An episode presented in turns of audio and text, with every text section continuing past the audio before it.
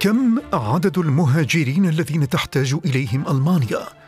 281 مليون شخص في العالم كانوا في عام 2020 لا يعيشون في البلدان التي ولدوا فيها وهذا الرقم يعادل ثلاثة أضعاف عددهم في عام 1970 وحسب الإحصائيات كان معظم المهاجرين يبحثون عن وطن جديد في الولايات المتحدة تليها ألمانيا والمملكة العربية السعودية رغم أن ألمانيا كانت تستخدم القوى العاملة منذ الستينيات لكنها لم تعتبر نفسها دولة مهجر كالأرجنتين أو أستراليا أو البرازيل أو الولايات المتحدة أو كندا.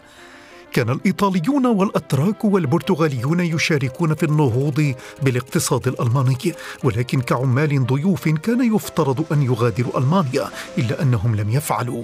واليوم يدعو اقتصاديون إلى فتح باب الهجرة إلى ألمانيا بشكل دائم وذلك بسبب التغير الديمغرافي. فكثيرون جدا يتقاعدون وقليلون جدا من الشباب يدخلون سوق العمل. في كل مكان يوجد نقص في العمالة المدربة والموظفين. تقول الباحثة الاقتصادية مونيكا شنيتسلا إن ألمانيا في حاجة إلى مليون ونصف مليون مهاجر سنويا. وبعد طرح عدد المغادرين بقي 400 ألف مواطن جديد. هذا العدد سيكون كافيا للمحافظة على الأيدي العاملة. لكن الهجرة ما تزال تشبه سباق الحواجز كما يوجد نقص في الثقافة الترحيبية في ألمانيا.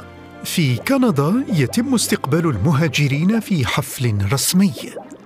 ولكن قبل ذلك يتعين على المهاجرين أن يتأهلوا في نظام نقاط يقيم دراستهم ومهاراتهم ومعرفتهم اللغوية وخبراتهم في العمل. وبقانون هجرة العمال المهره تسعى الحكومة الألمانية أيضا إلى تسهيل هجرة العمال المهره من دول خارج الاتحاد الأوروبي. لكن هذا يتطلب أكثر من مجرد قانون فالمهاجرون يجب أن يشعروا بالقبول أيضا.